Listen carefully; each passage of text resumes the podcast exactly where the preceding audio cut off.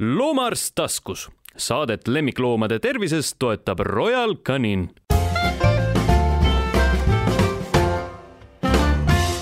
tere, olete tulnud jälle kuulama podcasti Loomaarst taskus. me alustasime nende väikeste eh, intervjuujuppidega siin sügisel firma Royal Canin eestvõtmisel ja arvasime, et teeme neli saadet, et vaatame, mis edasi saab. edasi on saanud niimoodi, et meil on juba kümnes käimas ja see on ka seekord sponsoreeritud Royal Canini poolt ja räägime sellisest väga aktuaalsest teemast nagu märtsikass. ja minu vastas üle laua on seekord küll mitte loomaarst, aga ma arvan, inimene, kes märtsikassidest ja üldse kassidest võiks väga palju teada. minu vestluskaaslaseks on Küllike Tohver. et et äh, ta peab ennast ise natuke tutvustama, mina ütleks tema kohta, et ta on vaba inimene, et ta on vabakutseline tõlkija ja, ja kassikaitse vabatahtlik, aga võib-olla sa ütled äh, Küllike enda kohta paar sõna ise kassikaitse on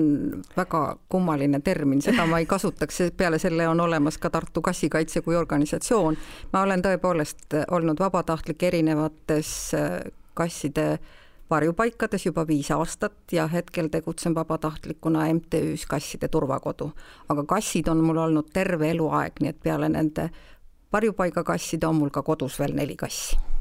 meie tutvusimegi, ma arvan, umbes kolmkümmend aastat tagasi ja ma just püüdsin meenutada, kas see võis olla Rottweiler, kes meid tutvustas? me kohtusime Rottweileri pärast, kellel olid kummalised nahaprobleemid. no nii, et ma olen vahepeal näinud sinu järgmisi koeri ka. Ja see, et sa hakkasid tegelema siis äh, vabatahtlikuna siis kasse abistavates organisatsioonides, oli minu jaoks mõnevõrra üllatav, aga takkajärgi mõeldes noh, tundes sinu loomaarmastust, siis üldse mitte üllatav, et millal see, millal see oli, sellest oli ikka hulk aega tagasi juba ju. viis aastat, nüüd viis. on isegi juba rohkem kui viis aastat, kuues aasta läheb. Nii, nii et meil on seekord siis, mina räägin natuke siis nüüd seda veterinaarset juttu siia ja siis vahepeal räägib jälle Küllike seda, et mis siis, mis siis nii-öelda maastikul toimub, mis seal põllu peal päriselt on. aga teemaks on meil tõesti märtsikass ja, ja no öeldakse ikkagi niimoodi, et karjub nagu märtsikass hästi tihti.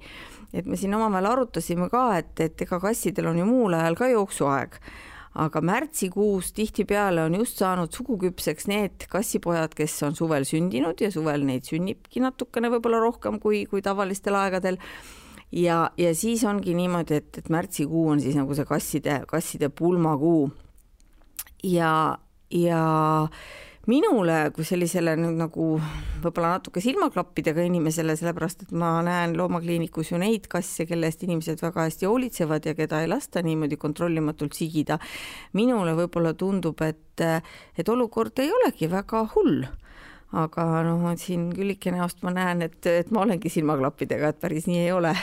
no sul on tõepoolest väga hea kliinik ja sinu juures tõesti käivad väga vastutustundlikud omanikud ja sellepärast sa tõesti ehk ei näe.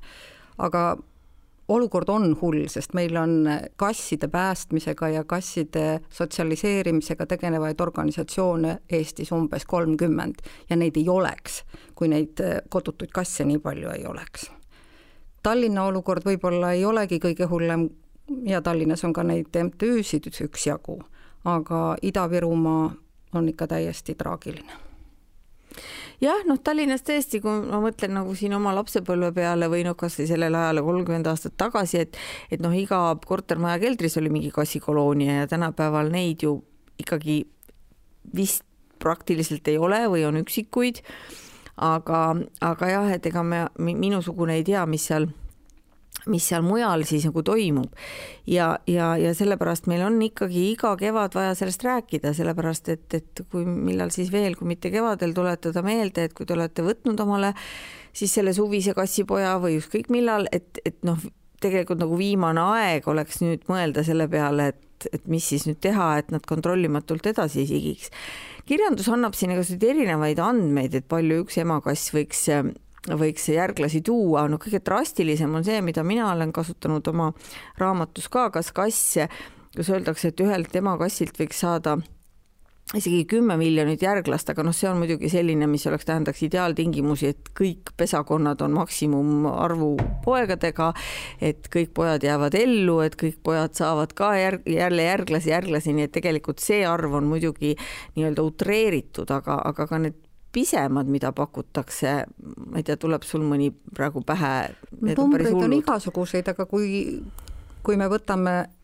nii, et kuskil koloonias hakkavad nad sigima juba neljakuuselt, mitte nii, nagu inimesed kipuvad arvama, et alles kuskil aastaselt. Ja kui juba neljakuune kass saab esimese pesakonna ja sealt see läheb ja läheb, siis koloonia, mis on juba ütleme, viiekümneliikmeline, on väga ohtlik, sest seal täiesti kontrollimatult levivad ju haigused ja, ja nende olukord on ikka päris hull, nii et mida vähem selliseid kolooniaid tekib, seda parem on kõigile. jah, et see neljakuuselt poegimine tundub neljakuuselt paaritumine ja siis kuuekuuselt poegimine, see tundub küll nagu selline utoopia, aga ma olen ise oma elus ka selliseid kasse kohanud. jah, kes omanik arvab, et tal on veel armas kassibeebi ja siis tegelikult selgub, et on hoopis selline pahateismeline, kes on käinud ula peal. et ja, ja ka kui me mõtleme jälle võrdluseks, et metskassid tegelikult reeglina poegivad kord aastas ikkagi kuskil kevadperioodil, siis kodukass on niimoodi kohastunud, et võib tuua kolm pesakonda aastas, et siis see arv tõesti kasvab ikkagi nagu astronoomilise kiirusega. kas sinul on ähm, mingisugune mm, oma arvamus või, või oled sa kohanud neid inimesi, kes kes ei, siis ei lõika neid oma loomi, kes ei, ei muut-, muuda neid nii-öelda sigimisvõimeliseks, et mis need argumendid siis võiksid olla? see on tegelikult kummaline, neid inimesi on hämmastavalt palju. enamik MTÜ-sid ei anna välja kasse, kui nad on lõikamata, aga kui antakse koju kassipoeg, siis seda linnamüüti, et ta peab vähemalt ühe pesakonna saama, kuulevad vabatahtlikud MTÜ-des absoluutselt iga päev minu jaoks on see täiesti arusaamatu, et kui teie kass tohib saada selle ühe pesakonna, siis miks te, sellepärast, et muidu ei ole kassi suhtes humaanne, siis miks on humaanne see, et kui sünnivad need kassipojad, tuleb need merekooli saata, et siin minu jaoks on täiesti arusaamatu vastuolu. ja, ja merekooli me tegelikult neid ju saata ei tohi. see on veel seadusevastane, et kui nüüd käituks nagu seadusekuulekalt, siis tuleks nad lihtsalt siis süstiga surmata, mis tähendab seda, et me ei tea, millal kass poegib, tavaliselt see kass poegib kuskil vaikselt nurga taga ja ilmub välja alles siis, kui need ilusad karvapallid sabapüsti kõik üksteise järel.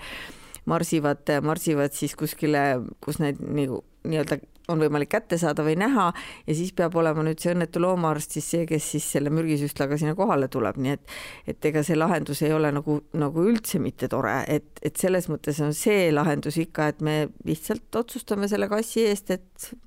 vabandust, sõber, aga sina ei ole loodud nüüd neid poegi saama, et see on, see on jah, minu arvates ka nagu kordades humaansem. huvitav, kus ja kuidas ja kellele peaks nagu kõva häälega siis hüüdma, et see on vale, vale jutt, et noh, ma nii palju, kui ma ise mäletan ennast kirjutavana loomaarstina, siis ma olen igal pool püüdnud,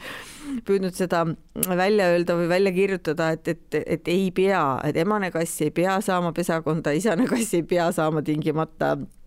maitsta isa rõõme, aga, aga see on nii visa kaduma, see, see selline valeinformatsioon.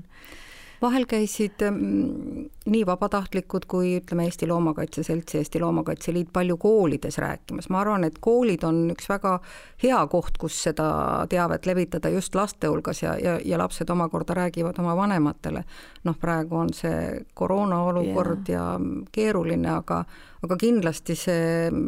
koolides selle teabe levitamine on minu meelest väga oluline. jah, see on tõesti mõistlik, sellepärast et see uus põlvkond kasvab siis nagu uue teadmisega peale nojah, see, et emakass peab tingimata ühe pesakonna saama, see on umbes samasugune palun väga vabandust, aga nüüd ma ütlen totter jutt, nagu ka see, et isase kassi kastreerimine on nagu looma kuidas öelda, loomulikku ellu sekkumine, et meil ei ole nagu õigust sellist asja teha, et keegi ei ole looma käest küsinud ja et, et see on et me nagu sekkume just sellisesse nagu sellise loomulikku mm, elukulgu. mina olen tavaliselt selle peale öelnud niimoodi, et kui me selle kassi juba omale koju tõime, siis me juba sekkusime et see, sellega juba sekkumine algab, et siis me ei saakski seda kassi üldse tuua. sest et, et kui ma võtan nagu loomaarstina selle võrdluse, et kumb kass tunneb ennast oma elus mugavamalt, kas see, kellel on tehtud üks kord elus noh, adekvaatse mm, valuvaigistuse ja korraliku no, narkoosiga ühekordne operatsioon ja kes ei mäleta seda, ärgates, et oo, kus mu munad kadusid, miks mul neid enam ei ole, või see loom, keda siis üritatakse hambad ristis suguküpsena hoida korteris, kus ta siis hüppab aknasse ja pissib kottidesse ja kingadesse ja karjub ja möörab ja mõurgab ja, ja aeleb maas ja, ja tegelikult me ei tea, mida tähendab tema sugutungi nagu allasurumine, kui raske see talle võib olla, ka isegi nagu öeldakse füüsiliselt, siis, siis minu jaoks see nii-öelda see mittesekkumise argument on nagu täiesti tühine, aga, aga ma ei ole muidugi ka silmast silma ühegi inimesega pidanud sel teemal vaidlema, aga, aga, aga ilmselt selliseid on, kelle jaoks looduslik ja loomulik tähendaks siis seda, et loom elab nii, nagu ta tahab. Nojah, looduslik ja loomulik, nagu sa ütlesid, ehm, sellel kassil, eriti kui ta on siis korterikass ja, ja ta on suguküps, tema elu on väga-väga hull ja vähe sellest, et tema elu on hull, ka selle omaniku elu on hull. Üks, see isane kass, kes sirtsutab või emane kass, kes lakkamatult ähm, lärmab ja, ja hõõrutab ennast ja välja tahab, selles olukorras on väga keeruline elada ja väga paljud need kassid, kes on tänavale sattunud, satuvad tänavale just sellepärast, et ühel hetkel saab inimesel sellest pilland, et see lõikamata isa kass lakkamatult tema mööblit sirtsutab. Mm.. ja siis nad toovad ta varjupaika ja ütlevad, et ma olen tüdinenud sellest tema nurka pissimisest, no aga miks te teda siis ära ei lõika ja. ometi? et siis pigem tooda kliinikusse. mul oli ja. kunagi üks tuttav, kes ütles ka, et tema oma kassi ei lõika, et see tema noh, just täpselt see mõte, et ma ei saa oma kassile niimoodi teha no mina siis ei öelnud selle peale midagi, mõtlesin, et no kass oli noor ka veel, noh tuli paari kuu pärast, pani puuri leti peale, ütles tee temaga, mis sa tahad, ma ei jaksa enam.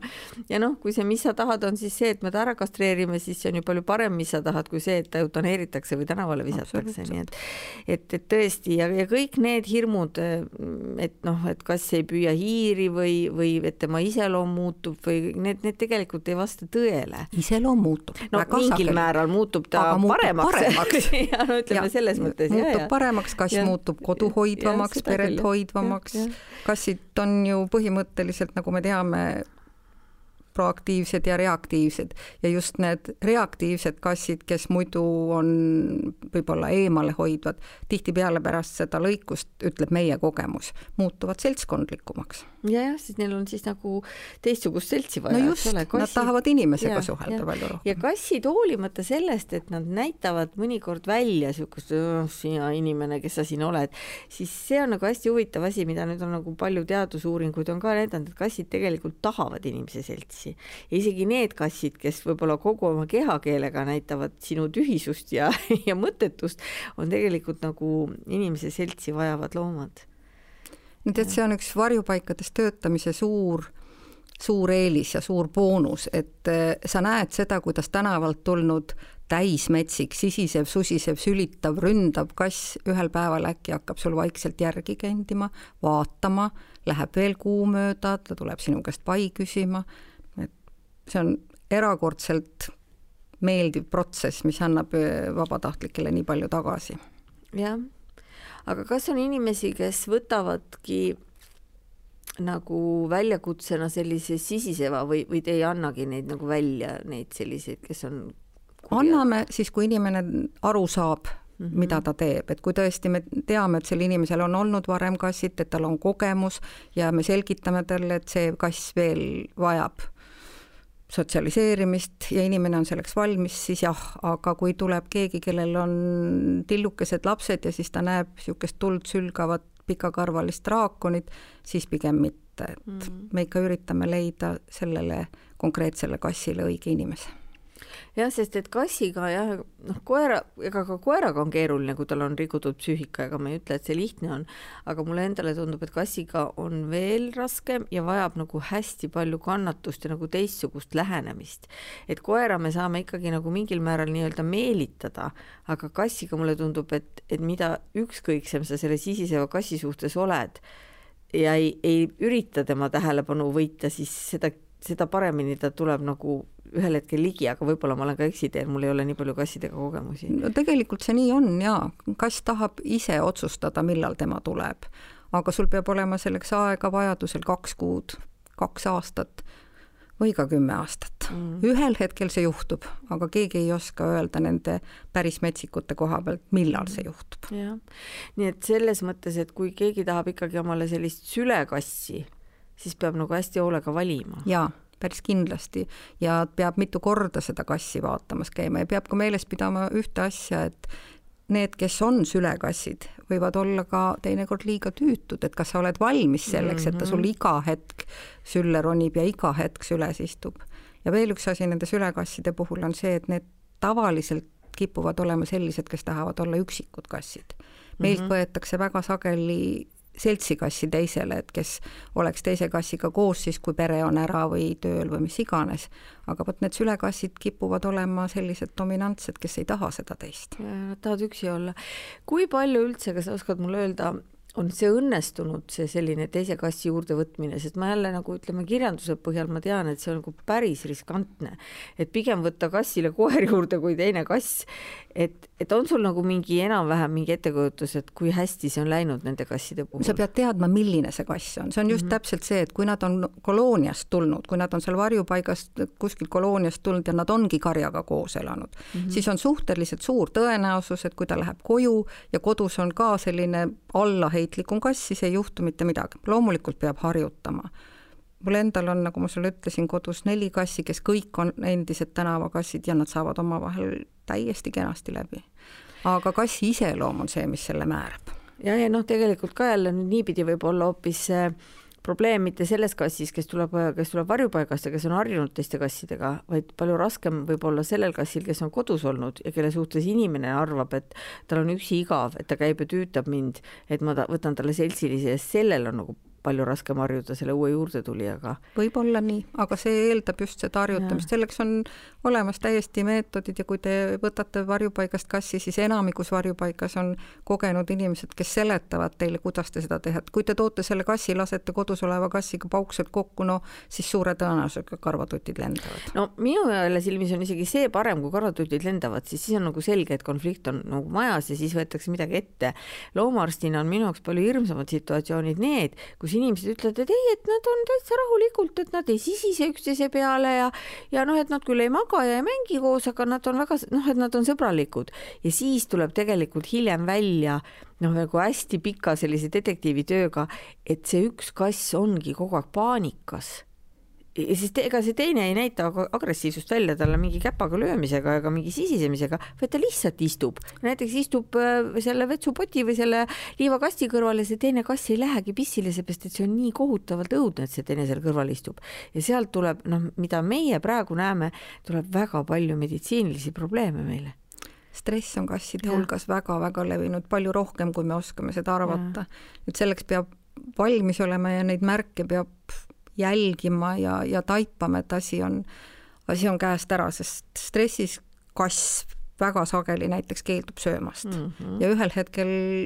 ta sureb teil lihtsalt nälga, sellepärast et tal on nii suur stress, et ta ei taha süüa. jah, ja isegi noh, vot kui koer sureks võib-olla nälga, siis me võib-olla märkaks, aga kassiga juhtuda veel see, et me arvame, et paari päevaga ei juhtu midagi, aga nälgiva kassiga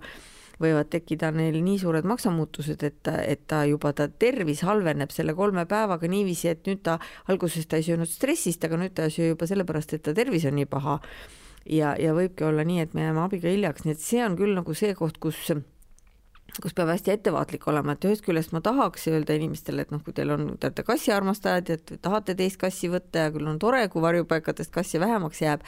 aga alati peab nagu mõtlema ja just eriti sellele, kes on olnud kogu aeg üksi ja kes on harjunud üksi olema, et kas see on nagu päris hea mõte talle see teine kass kõrvale tuua. et, et noh, tõesti võib-olla katsetada, vaadata, kas need indiviidid sobivad omavahel ja ja noh, ma arvan, et kõikides korralikes varjupaikades on, on pigem selline poliitika, et kui ikkagi ei sobi, siis on võimalik ta tagasi tuua. et, et tõesti, et keegi nagu ei kannataks, et ei kannataks see vana olija või ei kannataks see uus, et, et, et oleks võimalik nagu proovida ma usun, et äh, tänapäeval enamik äh, varjupaikasid ja enamik MTÜ-sid äh, võtavad kassi tagasi, aga noh, paraku on palju neid, kellel tegelikult neid niinimetatud kassitubasid ei olegi, et neil ei ole teda kuhugi tagasi võtta, et ta antakse nii kiiresti edasi mm., aga mina paneksin küll inimestele südamele, et ärge võtke ühtegi kassi emotsiooni ajal ja kui te tahate teda võtta varjupaigast, siis käige teda ikka kolm-neli korda vaatamas ja katsuge rääkida varjupaiga inimestega, mis sellest kassist on teada ja mis selle kassiga on tehtud. kui te võtate ilusa uhke karvaga kassi ja ta osutub selliseks dominantseks kõutsiks, siis teil võib olla kodus pärast selline põrgu lahti, et ei tea ise, mis peale hakata nagu mõnes mõttes on jälle selle täiskasvanud kassi võtmine natukene kindlam, sest et noh, varjupaigatöötajad enamasti oskavad öelda, et kuidas ta on käitunud nende, noh, ta on ikka ju enamasti varjupaigas olnud mingi kaks nädalat vähemalt, eks ju. et, et, et kuidas ta nagu käitub ja kas ta on üldse nagu selline, kes tahab inimesega suhelda, et kui me võtame jälle päris väikse kassipoja, noh, teadmata kuskilt lauda ema, ema käest, et siis sellest võib ju kasvada mis iganes, ehkki muidugi seal on natuke see, et kui me õigel ajal peale sat-, satume, siis me saame teda sotsialiseerida. aga kassipoegade sotsialiseerimise vanus on jälle nii palju lühem kui koertel. et see kahekuune, kahe poole kuune on juba selline, kellel võivad olla sellised hirmud ja foobiad, et see sotsialiseerimine on paras peavalu, eks ole ju kassipojad on armsad, aga kõik mm. kassipojad äh, kasvavad suureks. minule teeb alati nalja see, kui tullakse varjupaika ja öeldakse, et et ma tahan võtta kahekuuse kassipoja, aga kolmekuust ma enam ei võta mm., sest see on ju vana. aga kui te viite selle kahekuuse koju, on ta kuu aja pärast ka kolmekuune yeah,. Yeah. see on nüüd üks asi. ja teine asi kassipoegade puhul on see, et neid kipuvad sageli võtma ühelt poolt lastega pered, mis on arusaadav, aga teiselt poolt suhteliselt kõrges eas pensionärid mis, mis arusaadav enam ei ole, sest kassiiga tänapäeval on ju kakskümmend aastat ja kui te võtate kassipoja, mis saab siis, kui teiega juhtub midagi? Yeah.. aga seda on inimestele ka suhteliselt raske selgitada. Yeah.. ma, ma olen vahel hädas, ma isegi ei tea, mida kassi tahtjale soovitada. sellepärast et noh, varjupaikades ilmselt ma arvan, see on äh, väga palju sõltub sellest varjupaiga nii-öelda sisemisest poliitikast, et kui palju nad neid kontrollivad, neid kasse haiguste suhtes. noh, see minu meelest on elementaarne, et nad on saanud oma ussirohud, kirburohud, vaktsiinid, et nad on steriliseeritud ja kastreeritud. noh, vähegi, kui on võimalik, et nad on sellises vanuses, aga muidugi kasside puhul teeb selle elu keeruliseks see, et kassidel on palju varjatud haigusi ja, ja ega ma ei saa ka süüdistada seda varjupaika teinekord, kui inimene on kassi toonud koju, ütleb, et ta nägi täitsa terve välja seal ja nüüd on ta haige, nii et, et ega me nagu sada protsenti ei saa kunagi anda garantiid, et noh, just nende varjatud äh, nakkushaiguste suhtes, mida ei saa pealtpoolt vaatamisega ja osasid ei saa ka, noh, kui me räägime näiteks sellest infektsioossest peritoniidist, et me ei saa ka seda mingite vereproovidega kindlaks teha. et natuke peab Äh, arvestama, et see on kuigivõrd loterii, aga samas ähm, ilmselt on ka nii, et äh, osad on nagu hoolikamad nende kasside kontrollimisel ja osad võib-olla vähem hoolikad. jah, see sõltub tõepoolest väga palju varjupaigast ja, ja siin ma tulen tagasi jälle selle juurde, et ärge võtke kassi emotsiooni ajal, rääkige sellega, uurige välja, millised protseduurid on tal tehtud, need tavaprotseduurid tehakse praktiliselt igal pool aga korralik varjupaik teeb kassile ikka täiskontrolli, et tal kontrollitakse hambad, kõrvad, et tal tehakse elementaarsed vereproovid, et tal tehakse võimaluselt ka vähemalt äh, kiirtestid nendele nakkushaigustele nagu mm. -hmm. ja seda te saate teada, kui te räägite selle varjupaiga inimesega ja ei võta teda esimene kord. mina isegi soovitaksin, et kui sellel varjupaigal on see asi tegemata, katsuge siis kokku leppida, et te lähete selle teile meeldiva kassiga ise sellesse arstlikku kontrolli. kui te maksate selle arstliku kontrolli eest, no ma ei tea, kolmkümmend, viiskümmend eurot, mitte kõige kallimas kliinikus, siis on see igal juhul tunduvalt väiksem kulu kui see, kui te viite koju kassi ja siis avastate, et tal on suu mädanev, kõik hambad tõmbamata ja see läheb teile maksma viissada, kuussada eurot või, või tal on varjatud neerupuudulikkus või varjatud maksapuudulikkus või, või mis iganes. et kui ei ole varjupaik neid asju välja uurinud, kui ei ole hambad korda tehtud, siis võib-olla lähete parem mõnda teise varjupaika ja võtate sealt kassi. või siis, et jälle teine asi, et olete ka arvestanud, et jah, ma tahan seda kassi päästa, see kass meeldib mulle, aga kulud tema juures on sellised sellised, sest noh, jälle noh, kui ma mõtlen, et varjupaikade rahalistele seisudele, et ega neil tõesti võib-olla see kasside hambaravi, noh, sellest me võiksime siin veel kord eraldi ühe saate teha, ehkki me siin ükskord juba rääkisime hammastest et see on nii eraldi teema ja, ja see ei ole noh, maailma kõige odavam asi seda kasside hambaravi teha, aga et jah, et inimene teaks, et noh, et, et, et kas ta siis arvestab sellega või ei arvesta. ja samas ma ei saa aga nüüd kutsuda üles, et võtke siis nüüd kõik omale tõukasse ainult, et saate terved, et tõukassidega ka kahjuks on nii, et, et isegi väga korralikul ja tublil kasvatajal, kes ei ürita kedagi petta ega midagi valetada, võib ikkagi selguda, et tal on seal, seal kas kasvanduses mingisugune haigus sees või on sellel tõul nii palju pärilikke probleeme. no kassidega ongi just see häda, et kuna need tõukasside eh, kuidas see, see kuidas see alus või no kust nad on pärit, et see on nii kitsas, et noh, tihtipeale mingisugune eriline kass pärinebki mingist ühest konkreetsest naljakast kassist ja, ja nad on nii lähisugulases omavahel, et seal tuleb ka, võib tulla igasuguseid probleeme, nii et ega tõutunnistus ka ei anna meile mingit garantiid, nii et, et eks see kassi võtmine ongi selline eh, natukene loterii, aga noh, samas kui inimene on selleks valmis ja arvestab kõiki neid asju, siis ju reeglina läheb ju, läheb ju kõik hästi. Jah, muidugi ja, ja võetakse haigeid kasse, ei ole nii, et ei võeta, kui, kui varjupaik räägib ära kõik selle kassi eripärad ja kõik, kõik need haigused, mis tal on, ja inimene on selleks valmis ja on valmis isegi võtma, ütleme, kassi, kellel on võib-olla jäänudki elada paar-kolm kuud, siis on see ju väga tore kassil on viimased õnnelikud kuud, inimene on teinud hea teo, aga inimene peab seda teadma, et minu meelest see, et et sa võtad kassi ja arvad, et temaga on kõik hästi ja siis avastad, et tegelikult on kõik pahasti mm.. see on see kõige ja, kurvem hetk. loomapidamine peaks olema ikka selline vastastikune rõõm. just. jah, siit me jõuame nagu meie viimase punktini, millest ma tahtsin rääkida, et et ega meie ju ei tea, kui rõõmus see kass meiega on, et noh, tihtipeale ongi ju öeldakse, et kass talub meiega koos elamist, sest et tal nagu paremat varianti võtta ei ole. ja, ja sellest on hakatud üha enam ja enam rääkima, et et ikkagi kassid linnakorterites, kellel on küll nagu kõik nii-öelda meie silmis loodud, noh, nad saavad korralikult süüa, nad on turvatud, nendega ikkagi kuigivõrd suheldakse, tehakse pluti-pluti hommikul ja õhtul, et need ei pruugi kõik üldse olla väga õnnelikud no aga nad ei ole seal tänaval ka õnnelikud. ei, seda kindlasti ja, ja, ja, ja, ja üks teema, mida me sinuga üldse ei puudutanud, mis mulle praegu pähe tuli, just kui me räägime nendest tänavakassidest ja kolooniakassidest, on, on igasugused riiklikud poliitikad, mida meil ju tegelikult ei ole, et et õige mitmes riigis on proovitud seda kinnipüüdmist, neutraliseerimist ja lahtilaskmist suhteliselt edukalt. Eestis me sellest isegi suurt ei räägi. ma, ma ma arvan, et seal on kaks põhjust, mikspärast need on meist mööda läinud, üks oli see, et kui seda nii-öelda see maale tuli, see idee, noh, kui üldse läksid piirid lahti ja inimesed käisid väljas ja nägid, kuidas on mujal, ja siis oli meil see marutoodi olukord nii hull, et keegi ei tahtnud mõeldagi, et meil on mingisugused nii-öelda legaalsed loomad tänaval, kes võiksid potentsiaalselt marutoodi levitada. Nüüd on meil marutoodi olukord palju parem, noh, tõesti, Eesti ongi ametlikult marutoodivaba riik, aga, aga noh, ilmselt mis jälle natuke eristab meid siin mingist Türgist või Kreekast, kus neid ongi ju väga palju tänavatel ja tihtipeale nad on lõigatud ja nad ei, ei produtseeri järglasi, siis see on ikkagi see meie külm talv, no mis vahepeal nii külm ei olnud, aga et, et kus nad siis nagu vahepeal on, et kass on nagu hästi soojalembene nii et, et siin on võib-olla sellised, äh, sellised sellepärast ta sinna korterisse tahabki minna. just, just, just sellepärast ta korterisse tahabki. aga mina mõtlesin nagu seda nagu hästi hooldatud kassi, et, et miks ma selle üles tõin, on see, et hooldamisest ja söögist ei ole nagu, ei piisa kassi jaoks, kassil peab olema ka nagu mingisugune meelelahutus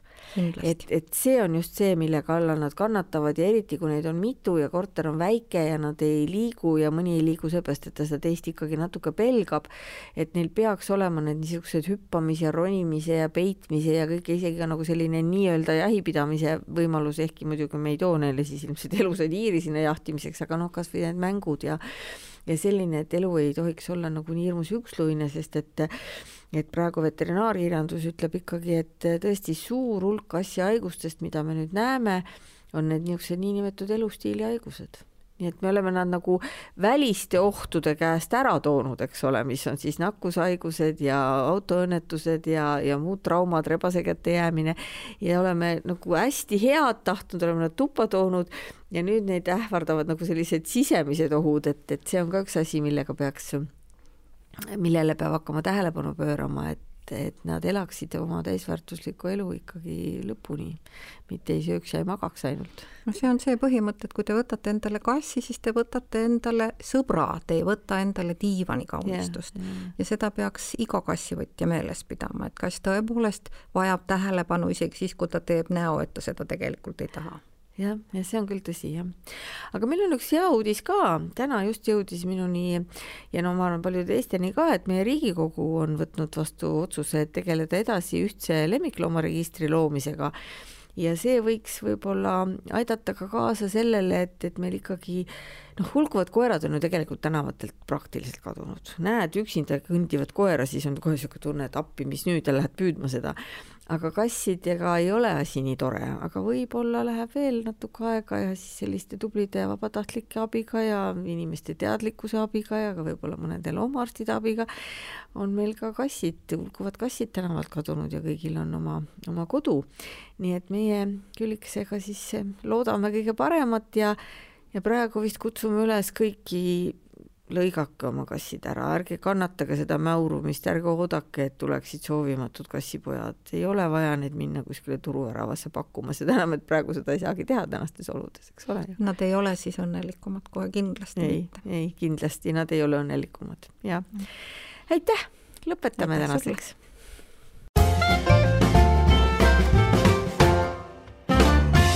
loomaarst taskus Saadet lemmikloomade tervisest toetab Royal Canin